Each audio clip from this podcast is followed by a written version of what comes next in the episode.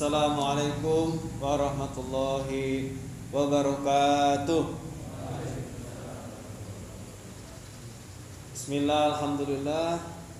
Assalatu wassalamu ala rasulillah Sayyidina Muhammadin abdillah Wa ala alihi wa ashabihi wa mawala Allahumma ftah lana bifutuhil arifin Rabbana ftah bainana wa baina qawmina bil haqqi wa anta khairul fatihin Walhamdulillahi rabbil alamin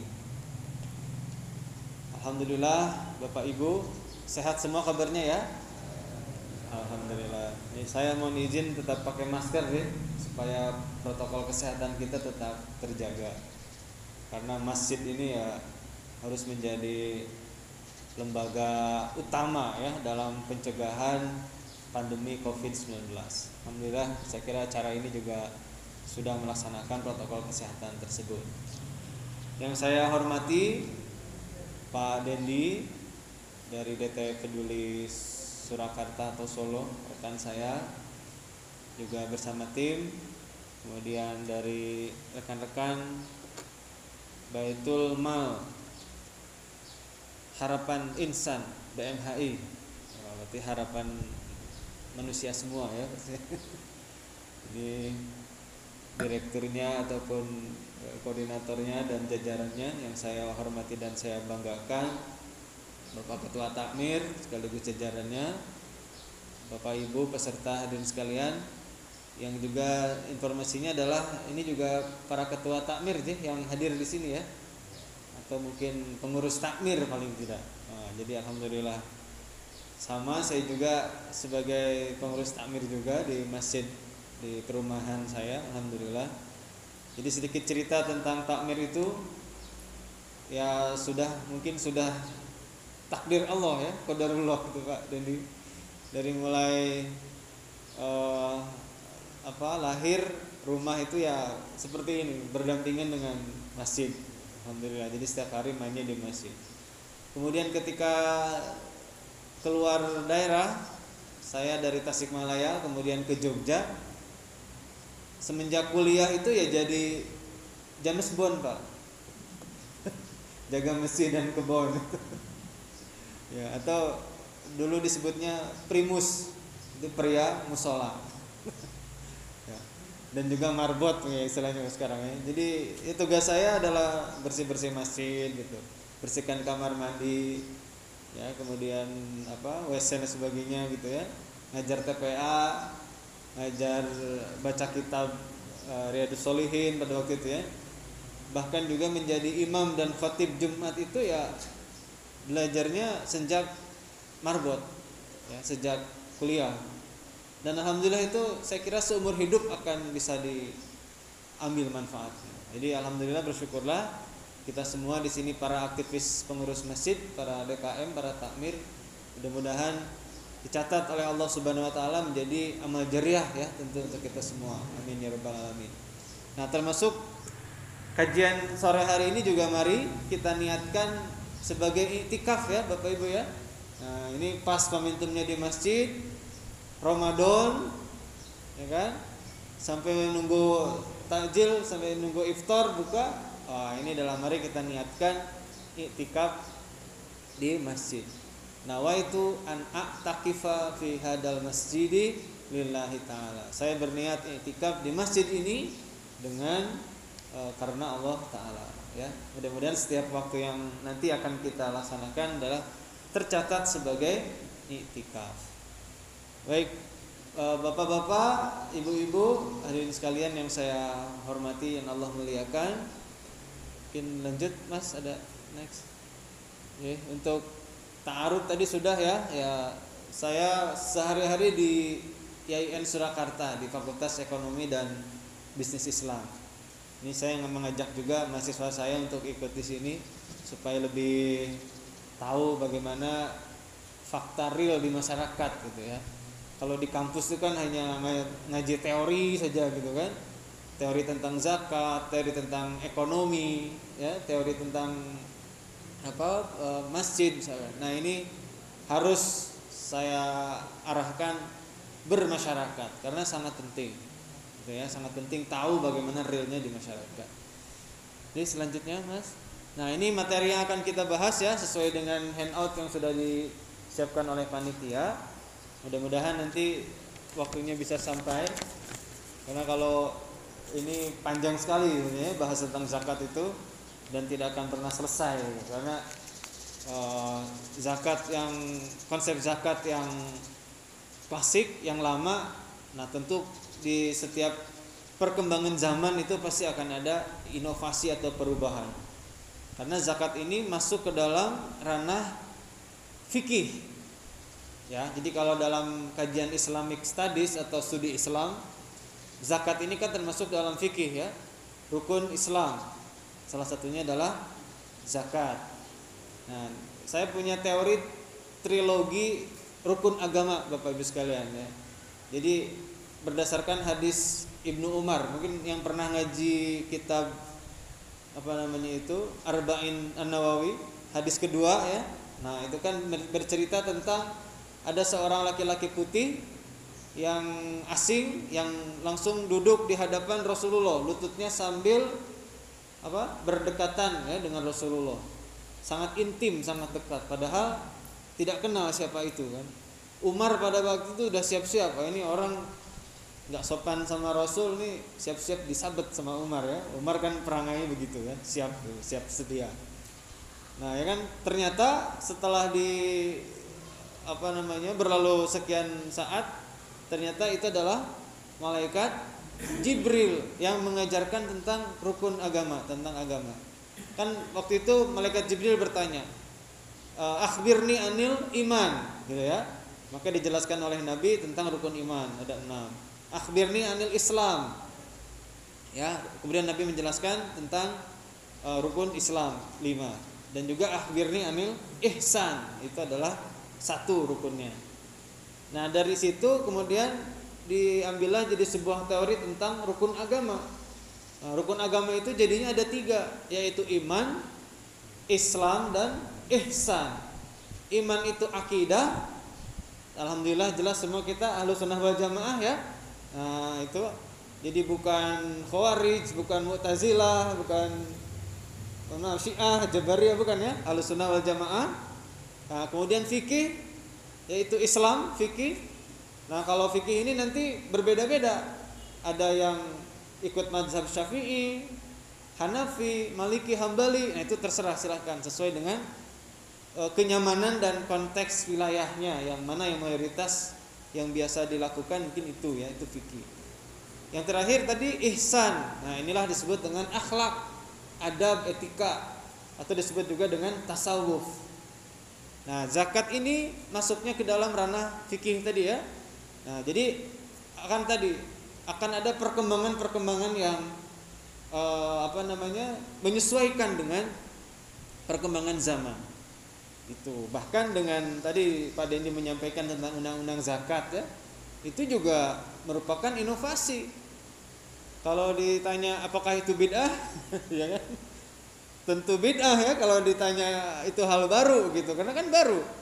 Nah, tetapi bid'ah dalam fikih tentu nanti ada beda-beda kan. Nah, karena ini adalah pemerintah yang membuat tentu ya kita harus taat dan patuh juga terhadap pemerintah. Karena itu adalah ulil amri. Allah wa atiur rasul wa ulil amri minkum. Nah, taat kepada Allah, taat kepada Rasul dan pemerintah ulil amri yang punya urusan. Oke, jadi begitu ya. Jadi sekilas tentang zakat ini sekali lagi bisa jadi mungkin nanti yang saya sampaikan ada perbedaan pendapat karena ini adalah fikih jadi ya biasa ya karena fikih itu ikhtilaf itu bisa terjadi pendapat. Nah, baik ya mudah-mudahan empat materi ini kita nanti bisa haji dengan uh, mungkin cepat ya karena kita juga uh, nanti keburu uh, buka puasa ya. Baik selanjutnya mas. Nah saya awali dengan satu gambaran potensi zakat Bapak Ibu sekalian. Ini saya ambil dari Baznas ya.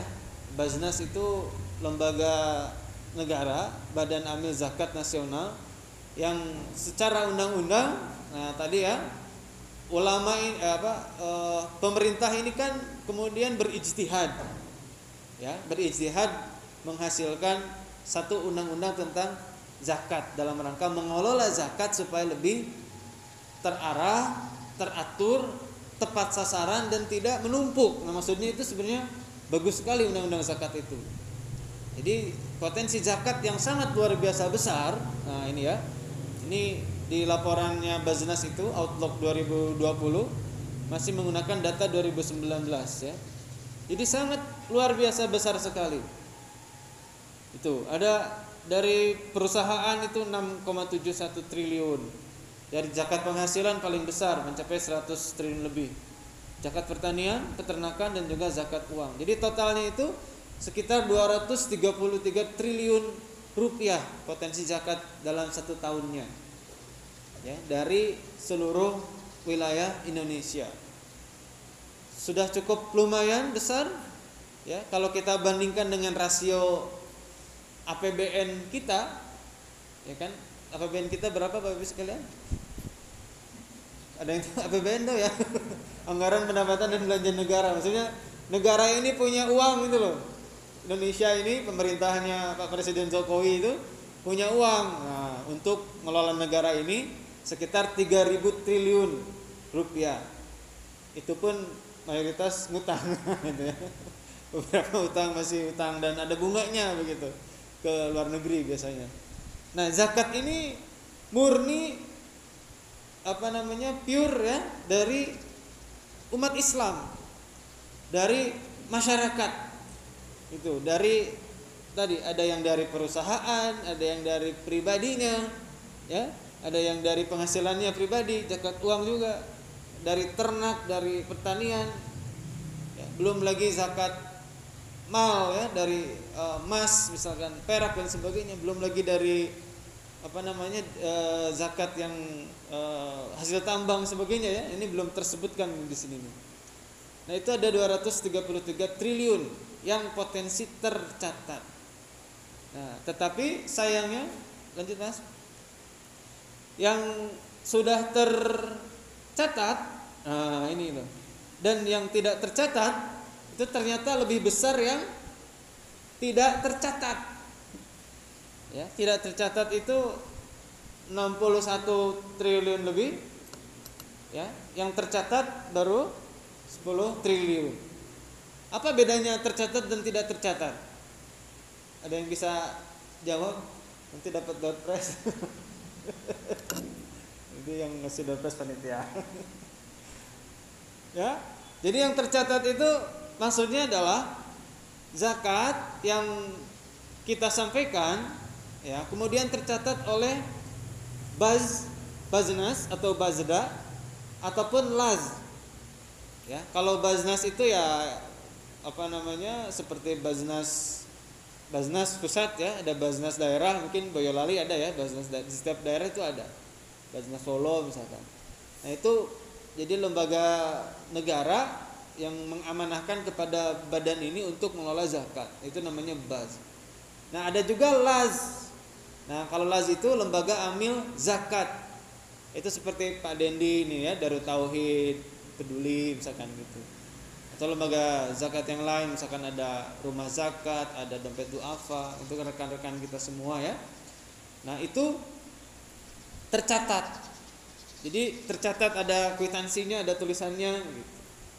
Itu baru 10 triliun. Nah, yang tidak tercatat itu berarti ya seperti kita ini. Saya sebagai pengurus takmir juga kadang juga tidak tercatat juga pada ya belum tercatat gitu. Belum jadi MPZ-nya nih. Uh, gitu. Jadi zakat fitrah misalkan setiap akhir Ramadan besok ya. Nah itu di, dibayarkan oleh jamaah kita masuk ke masjid. Nah itu tidak tercatat. Tapi ini sudah disurvei oleh puskas namanya pusat studi uh, apa zakat ya oleh yang punya baznas Nah itu disurvei dan mendapatkan angka ini tidak tercatat itu menjadi 61 triliun. Jadi luar biasa sekali angkanya dan lebih banyak yang tidak tercatat. Artinya berarti ya masih banyak juga uh, apa masjid ya atau lembaga organisasi atau pribadi misalkan ada juga kan ya yang kalau kiai saya dulu di Tasik itu juga apa dulu pas saya masih kecil itu bayar zakat itu langsung ke kiai gitu loh ke ustadz tokoh masyarakat di situ. Ya nanti sama beliau diapakan ya terserah pokoknya. Apakah dibagikan lagi atau untuk kegiatan masjid atau apa misalkan nah itu juga ada yang seperti itu. Jadi kepada perorangan. Nah itu tidak tercatat maksudnya. Ada 61 triliun. Luar biasa potensinya besar sekali. Ya? Nah baik nah kemudian lanjut mas. Nah ini yang tidak tercatat ini ya. Nah ini ya. Kalau dilihat dari sisi apa namanya penyebarannya tuh ya Jawa itu termasuk yang paling besar tentu ya. Karena tentu mayoritas masyarakat Indonesia ada di Jawa kemudian Sumatera 22 persen ya Jawa 55 persen dan selanjutnya ya, nah ini secara nasional itu sebenarnya mengalami kenaikan dari 2019 sampai 2020 ya. Ada ada naik sekitar ya 3 triliun lah. Tapi kan ya lumayan. Tapi lagi-lagi itu masih kecil ya. Itu kalau saya hitung itu masih sekitar 30 persen dari angka 233 triliun potensi zakat nasional ya yang sudah dikelola tercatat dan tidak tercatat itu baru 30 persen yang bisa dikelola. Ini maksudnya orang yang bayar zakat ya kemudian di salurkan kembali kepada 8 asnaf itu ya nanti saya singgung sedikit ya tentang 8 asnaf itu. Nah itu baru 30% ini. Berarti 70% ini apa? Potensinya sudah ada tapi belum terbayarkan nah ini tugasnya Pak Dendi ini sama DT peduli ya gimana 70% ini berarti kan sekitar berapa tuh 71 ya 180-an triliun lebih tuh ya uang.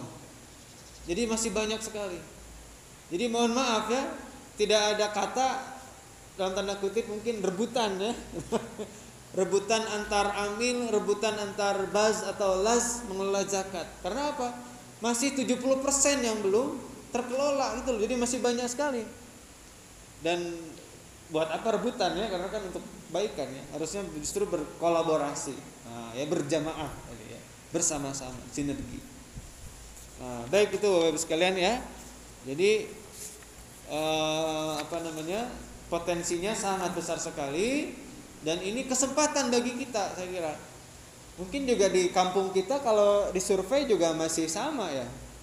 Ya kan Bapak Ibu mungkin bisa melihat ini orang ini harusnya sudah bayar zakat, sudah mampu kan gitu. Nisabnya sudah sampai, haulnya juga ada sampai. Tapi kok nggak mau bayar zakat? Nah, ini bagaimana caranya? Berarti perlu ada pendekatan-pendekatan yang sangat baik. Ya. Paling tidak ya mungkin materi saya nanti bisa disampaikan ya, diedukasi bagaimana pentingnya zakat ini dibayarkan. Tuh ya, karena nah, nanti ya ada beberapa gambaran eh, apa namanya? Bagaimana potensi zakat ini kemudian kita gunakan untuk banyak sekali kebutuhan masyarakat kita ya bahkan bisa jadi untuk umat muslim atau bahkan untuk sosial kalau sosial itu kan bisa jadi untuk non muslim juga ya yang penting adalah dia manusia gitu nah itu juga bisa jadi begitu baik ya nah kalau secara ini nih apa namanya secara data juga bahwa yang belum tercatat tadi yang 61 triliun itu adalah tuh ya DKM Nah, itu 667 DKM. Ini data surveinya. Ya. Ternyata banyak juga yang dari perorangan. Nanti saya sebutkan ya, di beberapa wilayah, di beberapa lokasi dengan budaya dan lokal wisdomnya masing-masing, itu ada yang memberikan zakat itu langsung kepada perorangan. Baik dia kelola sendiri ataupun nanti dikelola juga untuk masyarakat. Besar juga ya, bahkan mayoritas sekali ya Nah, ada yang non DKM, ya non DKM itu ya lembaga-lembaga mungkin seperti BMHI kan gitu ya atau lembaga sosial masyarakat apa begitu. Nah, itu adalah non DKM. Nah, tetapi lagi-lagi ini bukan apa ya? Ya disebut berita gembira bisa ya disebut berita gembira bahwasannya berarti masyarakat kita masih ada yang melaksanakan kewajiban zakat ini ya itu berita gembiranya tapi berita sedihnya juga ada bahwa ternyata masih banyak yang tidak melaporkan atau mencatatkannya. Padahal namanya catatan tentang zakat itu adalah sangat penting Bapak Ibu sekalian. Ya. Kenapa sangat penting? Nah, pertama karena dari sisi ijtihad fikihnya ya, bahwa dengan pencatatan ini kita bisa tahu berapa potensi. Kalau dari sisi ilmu ekonomi itu jelas sangat penting sekali ya. Kalau udah tahu potensi, juga nanti kita tahu mau bikin program apa itu jadi jelas terukur, terarah. Itu. Jadi ada ada rencana jangka pendek, menengah, panjangnya itu jelas akan bisa terlihat karena dengan adanya angka-angka potensi itu. Kalau tidak tercatat tidak bisa begitu karena bisa jadi nanti sudah bangun A misalkan di tengah-tengah kehabisan. Ya kan? Di tengah-tengah kehabisan. Jadi terbengkalai. Itu karena apa? Karena kita tidak tahu datanya. Nah, jadi data itu sangat penting sekali untuk dicatatkan. Itu yang pertama. Yang kedua, undang-undang kita, undang-undang tentang zakat itu mewajibkan untuk pencatatan ini. Ya, bahkan tadi saya ngobrol sedikit dengan Dendi ya. Bahkan seharusnya kalau kita mau apa namanya? mau mengikuti undang-undang itu ya, orang yang membayarkan zakat dan orang ataupun lembaga yang mengelola zakat dan tidak dicatatkan itu bisa terkena pidana Bapak sekalian. Ya, ada pidananya gitu. Paling rendah itu lima tahun penjara. ya. Paling paling banyak itu ada denda sekitar 500 juta jika pengelolaan zakat itu tidak tercatatkan. Ini sebenarnya sangat dari sisi tujuan pencatatannya bagus ya. Tapi tentu nanti dilihat dulu bagaimana aplikasinya ya kan? Bisa jadi juga belum tahu ya bapak ibu ya ada undang-undang tentang zakat misalnya terus ada pidananya terus ada aturannya juga bisa jadi belum tahu makanya perlu adanya sosialisasi. Nah ini tugasnya kita mungkin ya yang sudah paham. Mungkin juga tugas nanti tugas kampus ya tugasnya kemenag tugasnya tugasnya baznas tugasnya pemerintah.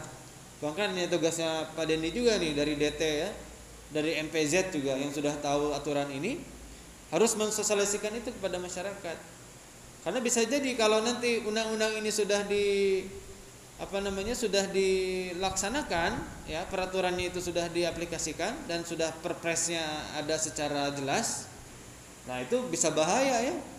Nanti saya takmir masjid sampai saat ini juga belum mencatatkan itu bisa terkena pidana gitu kan. Wah ini kan bisa jadi di penjara gitu Nah, ini penting ya. Penting sekali.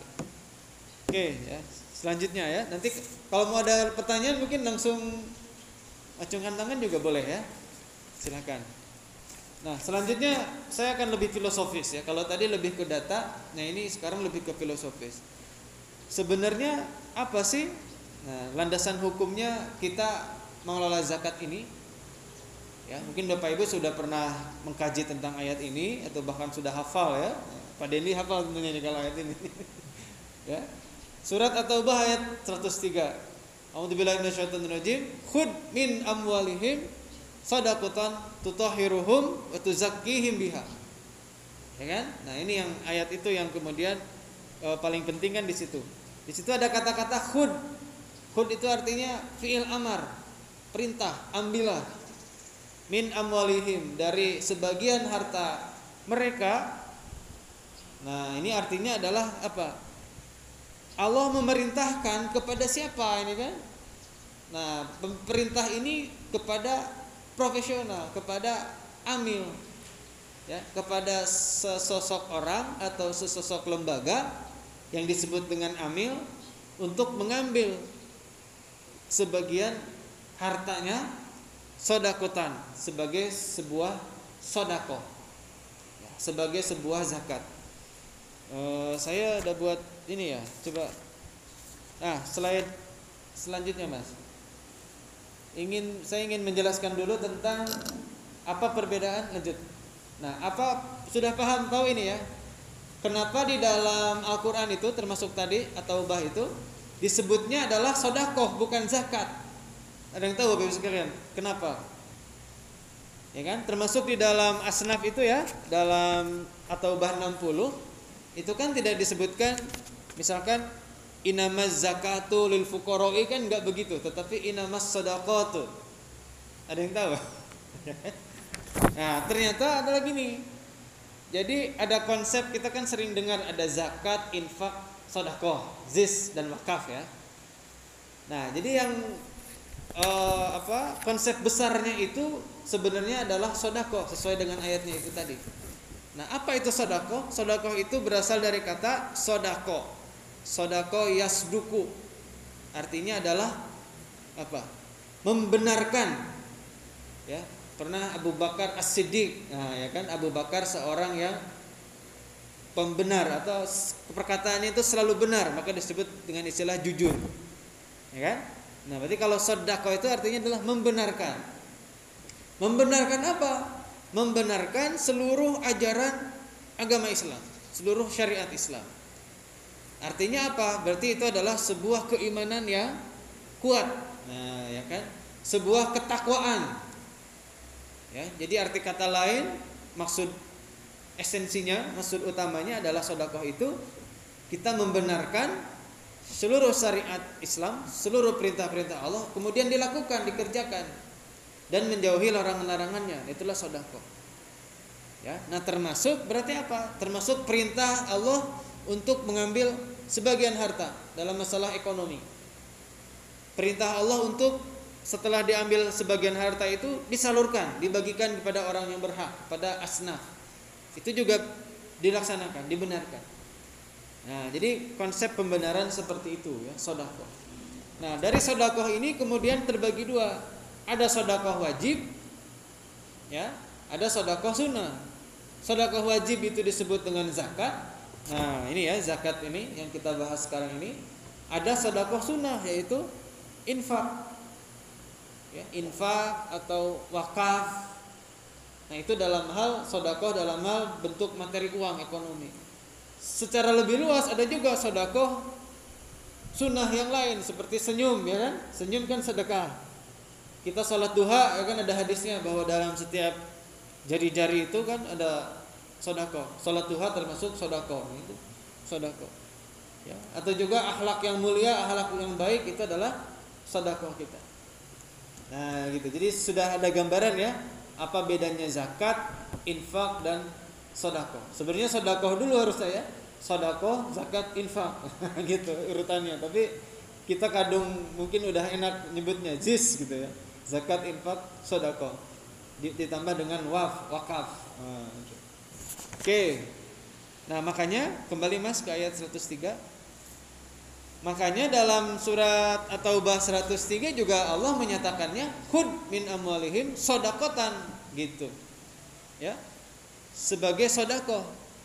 Nah ini ambillah fi'il amar. Jadi menjadi amil itu saya kira menjadi sebuah kewajiban kalau begini ya. Karena perintahnya adalah fi'il amar. Menjadi sebuah kewajiban menjadi seorang profesional yang mengelola zakat. Nah, jadi amil itu kan tugasnya berat sebenarnya Waktu saya juga pernah menjadi amil waktu itu di pas kuliah S1 di Jogja. Pernah Profesor Muhammad yang yang apa yang mengajarkan kepada saya bahwa amil itu kakinya itu berada di atas dua sisi. Kaki kanan berada di surga, kaki kiri langsung di neraka. ya. Kenapa? Karena mengelola dana umat gitu loh dengan potensi yang sangat besar tadi. Maksudnya langsung bisa masuk ke surga ketika betul betul dia adalah profesional. Profesional itu artinya berarti khud ngambil. Nah tadi ngambil langsung dari yang tadi berpotensi berapa 190 triliun itu bisa langsung diambil. Dipaksa itu bisa malah. Ijtihadnya Abu Bakar ya. Ijtihadnya Abu Bakar pada waktu itu pasca Rasulullah wafat. Kan banyak orang yang murtad. Ya, banyak orang yang murtad karena merasa wah Rasulullahnya udah nggak ada gitu kan. Ngapain lagi? misalkan begitu ya. Jadinya mereka murtad keluar dari agama Islam. Ada juga sekelompok orang yang enggan mengeluarkan zakat karena zakat terkait ekonomi tentu bisa jadi orang yang hidupnya nafsu duniawinya kuat ya kan? Ah, ngapain bayar zakat kan? Mending dipakai untuk poya-poya dirinya misalkan gitu padahal dia ngaku Islam nah oleh Abu Bakar kemudian orang-orang yang tidak mau mengeluarkan zakat itu diperangi langsung. Jadi oleh presiden tertinggi pada waktu itu ya Abu Bakar sebagai khalifah pada waktu itu langsung uh, apa menggedor pintu masing-masing yang tidak bayar zakat diperangi. Diperangi itu betul-betul diperangi waktu itu ya. Ya, mohon maaf ya, ini bukan radikal ya. Ya langsung dibunuh kalau misalkan dia tidak mau langsung diperangi pakai pedang gitu loh. Nah, ini artinya daya profesionalisme Amil itu sampai segitunya. Ya. Karena waktu itu pimpinan negara langsung melangkap sebagai pengelola zakat. Nah, pada waktu itu. Nah, sekarang kan udah beda ya. Jadi pemerintah melalui Baznas, nah ini juga pemerintah yang mengelola e, zakat dan juga dari masyarakat. Baik, nah begitu. Jadi profesionalisme seorang amil itu harus mengambil, kemudian nanti mengelola dengan berbagai macam ijtihadnya masing-masing, program-programnya dan menyebarkannya kepada yang berhak, mustahik. Tidak boleh amil kemudian menggunakan dana-dana itu untuk kepentingan pribadinya atau kepentingan kelompoknya saja misalkan. Nah, itu kaki kiri yang tadi bisa langsung masuk neraka gitu ya. Karena berarti apa? Dia tidak profesional. Ya kan? Nah, ini ayatnya jelas. Nah, ayat selanjutnya Mas. Bahkan nah ya, amil ini adalah salah satu profesi yang kemudian jelas tertulis secara tekstual ya di dalam Al-Qur'an. Ya kan? Innamas shadaqatu lil fuqara wal masakin wal amilin. Nah, bahkan urutannya ketiga setelah fakir miskin. Namanya saya membuat urutan seperti ini. Fakir miskin jelas ya itu adalah saudara-saudara kita yang sangat berhak mendapatkan uh, bantuan materi dari zakat ini. Nah, amil itu sejajar dengan itu. Karena apa? Tanpa amil, ya zakat ini tidak bisa dikelola. Jadi nggak ada orang mau bayar zakat kalau amilnya nggak ada. Jadi fakir miskin ini tidak bisa dibantu kalau amilnya nggak ada. Ya, sekarang juga zakat tidak bisa dikelola kalau tidak ada DKI masjid misalnya ya tidak ada MPZ, tidak ada UPZ ya, e, DT peduli. Itu tidak bisa dikelola. Fakir miskin tidak bisa dapat manfaatnya dari situ. Nah, ya kan? Nah, maka sekali lagi kita berbahagialah menjadi DKM ya yang mengelola zakat, menjadi MPZ, menjadi LAZ karena ini adalah panggilan suci ya, ya kan panggilan Allah Subhanahu wa taala yang dan mudah-mudahan tadi itu tadi berada di kaki kanannya langsung masuk surga karena dia amil tersebut melaksanakan tugasnya secara profesional. Nah, ya. Nah, secara profesional itu saya tambahkan lagi bahwa selain mengambil, mengelola dengan berbagai program juga ini memberikan hak-hak para mustahik ini. Ya, yang ada delapan ini kan, ada fakir, miskin, amil, mu'alaf, rikob, gharim, fisabilillah dan ibnu sabil. Bapak-bapak sudah paham semua kalau ini ya, teori ini ya. E, fakir miskin jelas, fakir itu orang yang tidak sama sekali tidak punya pekerjaan dan tidak punya pendapatan. Jadi betul-betul sebatang kara dia nggak bisa ngapa-ngapain gitu loh. Itu wajib yang pertama kali, derajat pertama kali yang harus diberikan zakat. Yang kedua, miskin. Kalau miskin itu punya pekerjaan tetapi tidak cukup. Ya kan? Nah, itu apa miskin. Itu juga wajib diberi. Amil karena tadi sebagai profesi sebagai profesional nah itu juga berhak. Ya cuma besaran haknya tentu di bawah fakir dan miskin. Nah ini perlu dicatat juga ya. Nah, kemudian bawahnya lagi ada mualaf ya kan? Orang yang mau masuk Islam atau baru masuk Islam atau mau masuk Islam. Itu juga diberi ya rikob hamba sahaya perbudakan sekarang sudah tidak ada ya gorim yang banyak hutang nah yang ini juga bisa Bapak-bapak, berapa hutangnya? Tapi tentu dengan syarat dan ketentuan berlaku ya. Tidak semua bayar hutang juga. Gorimin yang memang dia masuk fakir miskin, nah, ya kan? Dan juga gorimin yang memang jelas-jelas dia tidak bisa membayar. Itu. Kemudian fisabilillah, nah ini yang cukup luas ya, bisa untuk orang-orang pokoknya yang berjalan di jalan Allah ya, para ustadz, para imam masjid ya, marbot, Nah, itu bisa masuk kepada fisabilillah. Dan Ibnu Sabil, kalau ini orang yang dalam perjalanan kehabisan bekal, masuk ke masjid misalkan nggak bisa makan ya kita kasih dari dana zakat itu. Baik itu ya. Lanjut mas. Lagi nah ini saya masuk ke program ya mungkin bisa dicontoh juga ini saya ngambil dari programnya DT Peduli ini luar biasa ya eh, apa dana zakat yang tadi dari masyarakat kita ambil oleh amil dikelola. Nah, pengelolaannya ini bisa untuk pendidikan, bisa untuk kemanusiaan, kesehatan, ekonomi dan dakwah. Nah, ya kan? Ini dan seluruhnya ini harus prioritas semua gitu ya. Semuanya prioritas. Pendidikan jelas ya bisa untuk beasiswa, untuk membangun sarana pendidikan, untuk gaji gurunya misalkan, untuk buku, untuk semuanya yang terkait dengan pendidikan. Bagus sekali ya. Bahkan dari pendidikan SD, eh, dari TK bisa ya, TK sampai kepada perguruan tinggi.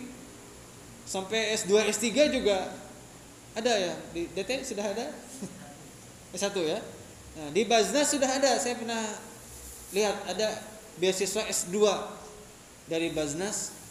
Kalau S3 belum pernah lihat ya mungkin ya S3 karena sudah ada ini dari negara LPDP dan sebagainya. Nah, S2 itu masih diberikan juga.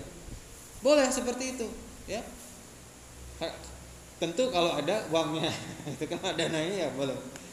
Kemudian kemanusiaan, kemanusiaan ini DT mungkin untuk ini ya, untuk bencana alam ya kan. Bisa terjadi bencana alam, banjir, kebakaran, gempa bumi misalnya. Atau bahkan juga bisa ke luar negeri ya. Nah, itu apa ada program apa Pak Dendi ke Palestina itu e, neraktir negara ya ah, neraktir lima negara yang sedang kesusahan Indonesia alhamdulillah ya ini belum buka aja udah terhidang ya. saudara-saudara kita di Palestina di Suriah yang sedang perang ya kan? Di Myanmar Rohingya misalkan. Itu masya Allah mereka mungkin ya mau sahur aja susah ya kan? Atau mau buka apalagi. Nah, ini makanya program yang sangat bagus sekali. Tuh. Kemudian kesehatan. Jelas ya di masa covid apalagi ini kan negara aja kehabisan uang ya kan untuk pengelolaan covid misalkan. Dana zakat boleh digunakan untuk itu untuk kesehatan ekonomi ah ini juga penting ya karena kalau pendidikan oke kemanusiaan bagus kesehatan oke tapi sisi ekonominya tidak digarap, tidak dikembangkan, ya akan mustahik terus nanti gitu loh, tidak bisa berkembang. Ya, nah ini program ekonomi ini yang kami di apa di Fakultas Ekonomi dan Bisnis Islam ya di IAIN itu juga sedang mencoba mengembangkan berbagai macam ini. Jadi bagaimana membuat mustahik menjadi muzaki nah, dengan program-program ekonomi kolaborasi dengan seluruh pengelola zakat Gitu ya. Nah, dakwah jelas ya, dakwah juga sebagai apa? cara kita media menyampaikan kebenaran-kebenaran Islam ini kepada masyarakat itu harus terus didukung. Fisabilillah masuk ke dalam dakwah. Oke, lanjut Mas. Kurang berapa menit ya? Udah. Udah. 4 menit lagi. Baik. Nah, ini kalau mau menghitung zakat, misal ada ada kesulitan, masuk aja ke websitenya DT ya. Nah, masuk ke websitenya DT ini, ini gambar ini bisa nih. Nah, nanti bisa masuk, klik itu ada di sini ya. Ini kalau mau ngaji ini lama juga ya, bagaimana menghitung zakat sapi, zakat unta kan agak ribet juga kan, nah gitu ya. Zakat peternakan itu silakan bisa baca sendiri-sendiri lah. Itu insya Allah di kitab-kitab di buku-buku juga sudah banyak. Nah, yang selanjutnya Mas, ini penting juga nih. Kolaborasi. Nah, pada ini tadi nyebutnya adalah berjamaah. Kolaborasi itu penting. Jadi saya ada ini ngutip juga yang sering disampaikan oleh Pak Dendi nih biasanya nih. Ada lima, tapi saya nambahi jadi enam nih ya. Jadi pentingnya kolaborasi dan inovasi pengelolaan zakat untuk mengembangkan satu wilayah masyarakat. Pertama ada masyarakatnya, kita ini masyarakat, masjid Penting ya, nah DKM mengelola zakat itu. Kemudian lembaga zakat seperti Pak Dendi ini DT Peduli atau BMHI ya. Kampus, nah ini saya dan rekan-rekan kampus ya akademisi mahasiswa juga dalam mengkonsep teori-teorinya meneliti nah itu bisa. Media massa penting. Media massa selain yang mainstream yang sudah ada mungkin bisa sudah ada. Oh saya semangat sekali. Karena harus segera ya. Baik itu ya mungkin. Nanti bisa lanjutkan lagi di kesempatan yang lainnya. Mudah-mudahan bermanfaat. Mohon maaf tidak kekeliruan kesalahan. Assalamualaikum warahmatullahi wabarakatuh Thank you.